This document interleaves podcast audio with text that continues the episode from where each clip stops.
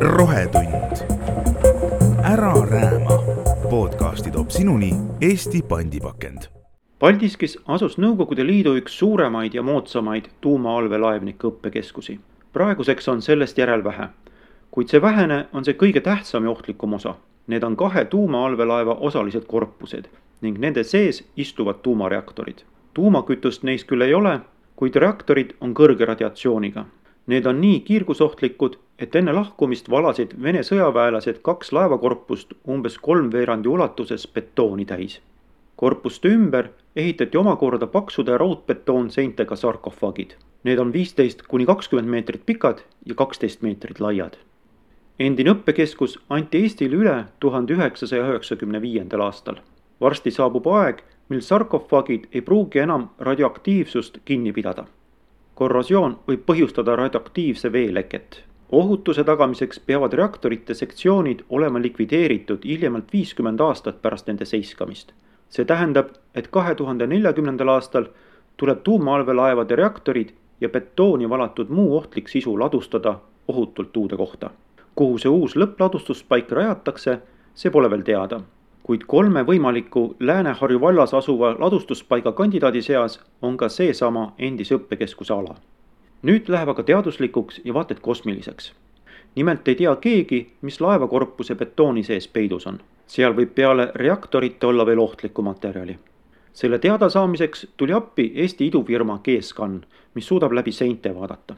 G-Scani aparaadid ise ei kiirga midagi, vaid lihtsustatult selgitades püüavad nad kinni kosmilist kiirgust ehk müüonosakesi.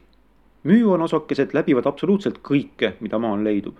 G-Scani aparaat registreerib osakeste erisuunalise liikumise, salvestab selle ja nii saadakse pärast andmete töötlemist 3D kujutis. antud juhul tuumaallveelaevade sisemusest. saadud tulemusi kasutatakse hiljem sarkofaagide ja sektsioonide tükeldamiseks, et reaktorid ohutult lahti võtta ja lõppladustuspaika teisaldada. Neljandal mail tutvustas G-Scani esindaja Andres Nurme Paldiskis ajakirjanikele, kuidas nende tehnoloogia töötab ja kui keeruline kogu protsess on. minu nimi Andres Nurme ja tulen ma niisugusest kohast nagu G-Scan, kes siis eh, on koostöös Alaraga teostamas eh, täiendavaid uuringuid. nimelt meie hangime täiendavat informatsiooni selle põhilise allveelaeva sektsiooni kohta, mis siis eh, täideti betooniga ja kuna venelaste käest ei ole tulnud mingit, ütleme, informatsiooni, mida sinna pandi, kui palju sinna pandi ja kuhu seda pandi, vaevalt nad seda isegi teavad tõenäoliselt, siis äh, meil on olemas tehnoloogia, mis võimaldab sinna noh, ütleme nii-öelda pilku heita. ja, ja seda me nüüd ka tegemas seal oleme. enne kui me läheme natuke selle tehnoloogilise vaate poole, siis natukene paar sõna ka G-Scanist endast, et me oleme startup ettevõte mis sai alguse tegelikult juba kaks tuhat kuusteist ühest teisest projektist, nimelt nii-öelda äh, piiriületusega seotud ja läbivalgustusseadmed, kus siis äh, meie üks nii-öelda asutajaliige pakkus välja võimaluse kasutada müontomograafiat nii-öelda läbivalgustusseadmete jaoks. ja sealt nagu asi alguse saigi, millele järgnesid rakendusuuringud Tartu Ülikoolis ning aastast kaks tuhat kaheksateist anti sisse juba ka patenditaotlus nüüd eh, nii Eestis, Euroopas kui ka siis Ameerikas. ehk siis see tehnoloogia, mida me kasutame, on juba patenteeritud. sealt läks veel kaks aastat, eh, kuni me saime esimese nii-öelda prototüübini ja, ja nüüd me oleme juba seisus, kus meie areng on jõudnud sinnamaale, kus me saame pakkuda ka vastavat teenust. kuidas siis see tehnoloogia toimib? me kasutame eh, naturaalset, mitte kiirgust, aga siis osakeste voogu ja, ja, ja mitte ainult kogu seda osakeste voolu, vaid teatud tüüpi osakesi, mille nimeks on müonid. et müonid on, me võime neid tinglikult nimetada paksudeks elektronideks, et nad on oluliselt massiivsemad kui elektronid ja, ja nende päritolu, nad on sekundaarne kosmiline kiirgus sisuliselt, ehk siis eh, tekivad nad eh, siis, kui kosmilised osik, osakesed põrkuvad kokku, ütleme, maa atmosfääriga ja sealt tekib suur hulk erinevaid osakesi. ja ühed nendest tekkinud osakestest on siis müüonid. ehk siis see on täiesti looduslik, mis meid ka ütleme siin, niikaua kui me oleme siin ruumis viibinud, tuhanded need osakesed on meid juba läbistanud. ja, ja meil on tehnoloogia olemas, mis võimaldab neid osakesi registreerida. Nende osakeste üks omapära on veel see, et eh, neil on ääretult suur läbistamisvõime. Ehk siis neid on detekteeritud ka kuni kilomeetri sügavusel maakera, ütleme maal. natuke ülevaade meie oma tehnoloogiast, et me nimetame seda, siis on atmospheric ray demo-, tomograafia, olemuselt ongi tomograafia suht ütleme, sugulane meditsiinis kasutatavale tomograafiale kuigi me kasutame hoopis teisi, ütleme mitte kiirust, aga siis osakesi selle nii-öelda pildi või, või, või, või siis mudeli saavutamiseks. Tehnoloogiliselt võib jagada veel seda kaheks, ehk siis on nii-öelda MTT, mis on siis tomo-, transmission tomograafia ja versus müon siis scattering tomograafia. ehk siis küsimus sisuliselt on vahe see, et kas me registreerime enne keha, läbivaadatavat keha kiirgust või me ei tee seda. ehk siis neid võimalusi, kuidas me kuidas me nii-öelda näeme mingite kehade sisse, on nii-öelda kahte moodi. antud juhul nüüd Alara puhul me kontekstis me kasutame siis nii-öelda ühe detektorplaadi tehnoloogiat, kus siis meie detektor asub otse siis eh, läbivaadatava keha all ja, ja me registreerime neid osakesi, mis on siis läbinud juba siis meid huvitava keha. ja, ja kuna objekt on väga suur, siis eh, see skaneerimine on suht eh, aeganõudev ja me katame ta nii-öelda positsioon positsiooni kaupa, ehk siis me tuvastame neid osakesi ja nende läbimisi kehas, nii ütleme, pooleteise ruutmeetri kaupa, kus ta siis ühes asukohas on vastavalt nii-öelda meid huvitava aja jooksul kaks kuni kolm ööpäeva ja siis me tõstame ta järgmisse kohta. ja nende kogutud andmete tulemusel siis valmib lõpuks 3D kaart ja mudel, kus on siis kaardistatud kogu selle meid huvitava keha siis sisemus. Need osakesed, osa vooga jääb kindlasti kinni, kuna tegemist on väga massiivse paksu kehaga, need osakesed, mis siit läbi tulevad ja jõuavad nii-öelda meie, meie seadmeni, siis need osakesed eh, tuvastatakse, registreeritakse ja nende teekonna järgi arvutatakse, siis hilisemas faasis pannakse kokku rekonstruktsioon, mille põhjal me saame öelda, kus mingi asi asub antud eh, betoonkehas kui väikseid osakesi te suudate näha niimoodi, et kas te me registreerime, me näeme või vutrikese või, või on mõõtkavad palju veel?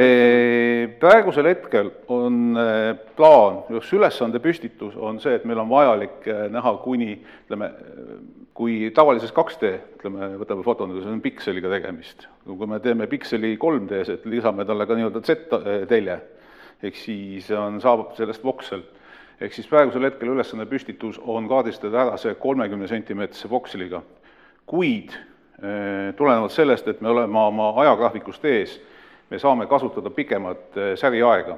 ja mida rohkem säriaega on, seda rohkem me saame osakesi kätte ja seda tihedamaks läheb pilt, mis võimaldab meil jällegi minna detailsemaks, siis, siis me ei oska praegu veel öelda.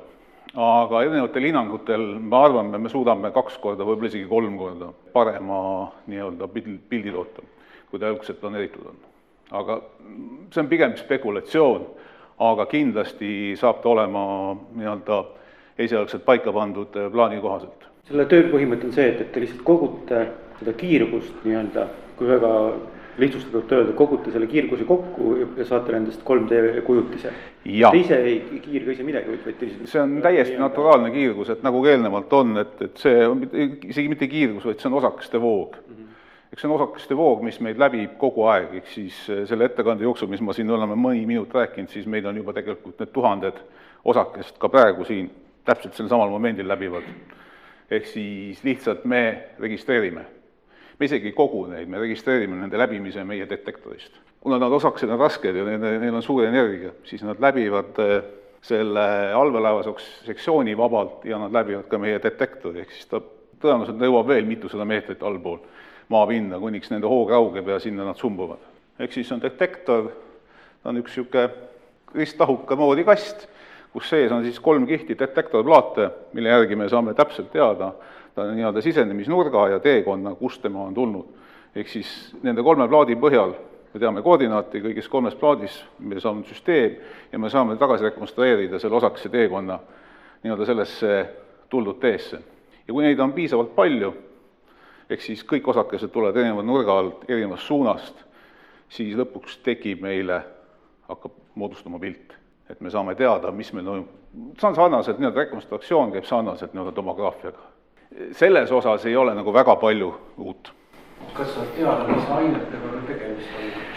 Äh, jaa, siis kui me kasutaksime kaheplaadi tehnoloogiat, kus me registreerime ka sisenevat kiirgust, ehk siis enne seda keha läbivat kiirgust ja siis on ka allpool.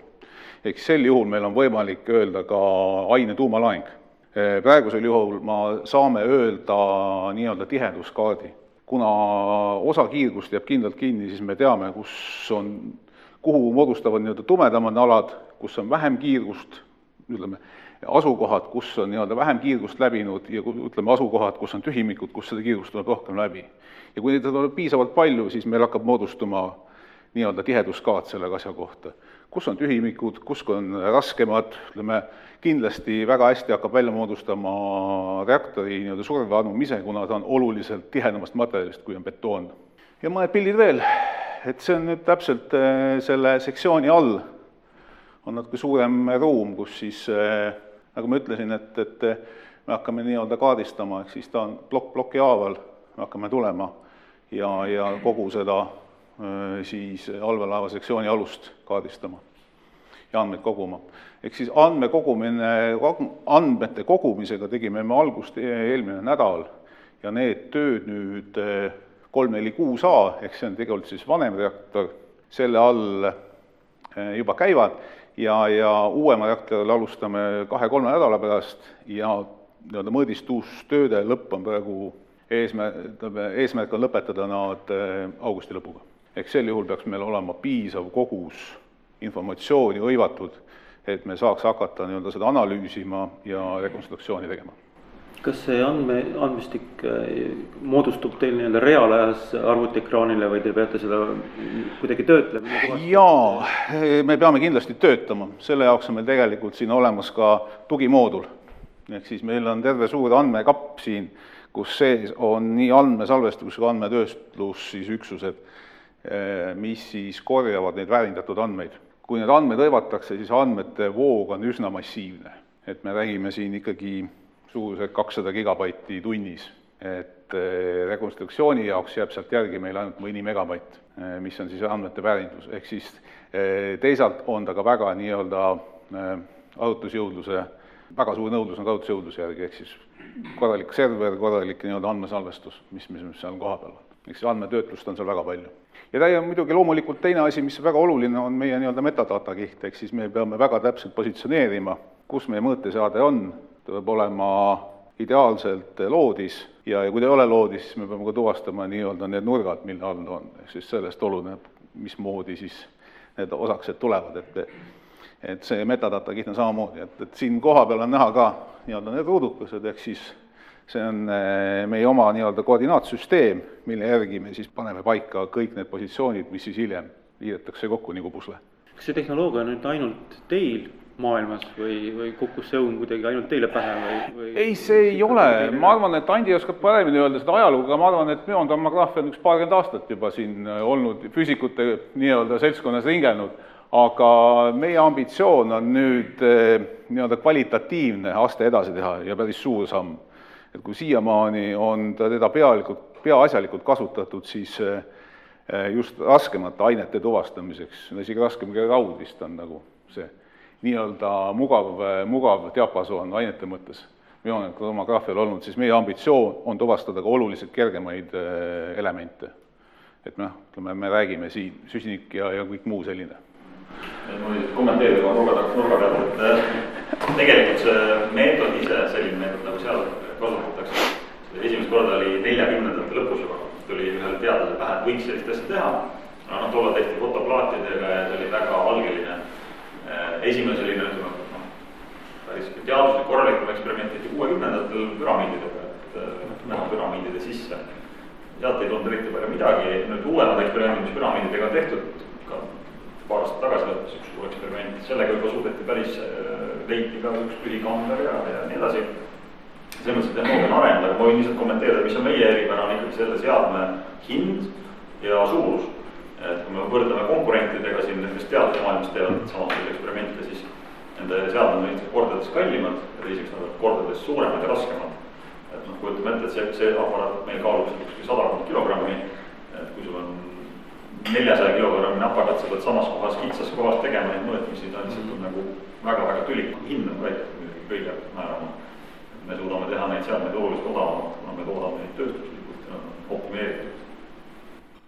Kas seda nii-öelda 3D pilti sealt sees saa-, kätte saada, kas ta põhimõtteliselt võib ka olla viltu külje peale või, või see osakeste ja, ja, ja selles mõttes, et äh, pigem see, see asetus on eelistatud, ta võibki külje pealt olla, sest äh, müoonide osakeste nii-öelda voo ise omapära on see, et nende spekter on sada kaheksakümmend kraadi, ehk siis siitpoolt maapinnast kuni siiapoole maapinnale, sisuliselt. kui me võtame selles, selles punktis, siis, siis neid osakesi liigub risti-rästi igas tasapinnas ja igatpidi et see ongi just see omapära ja kusjuures kõige suurem osakuste voog on vist vahemikus, vist oli kolmkümmend viis kuni kuuskümmend viis kraadi, kui me võtame siit praegu maapinna tasapinnas. selles osas siis isegi ongi parem, kui ta on nurga all, aga loomulikult ütleme, kui me teeme mõõtmisi, kus üks, ühtne pilt on vaja saavutada mitmest mõõtepositsioonist korraga, siis on väga oluline mõõta ja väga täpselt mõõta siis selle detektori asetust, ehk siis mis on ta kalle ja kuhu poole ja kuidas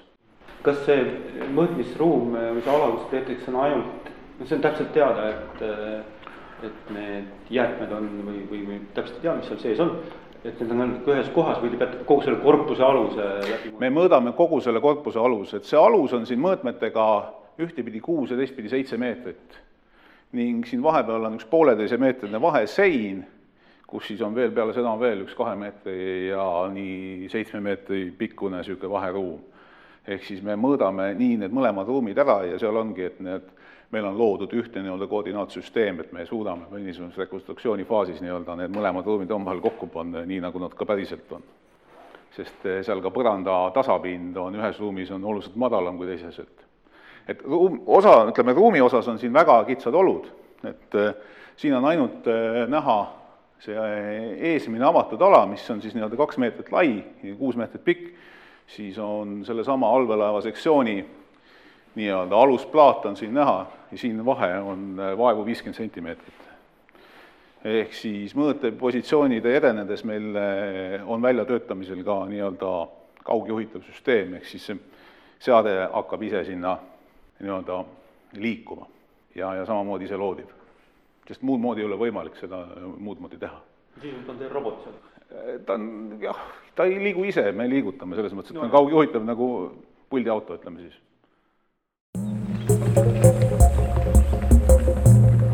rohetund.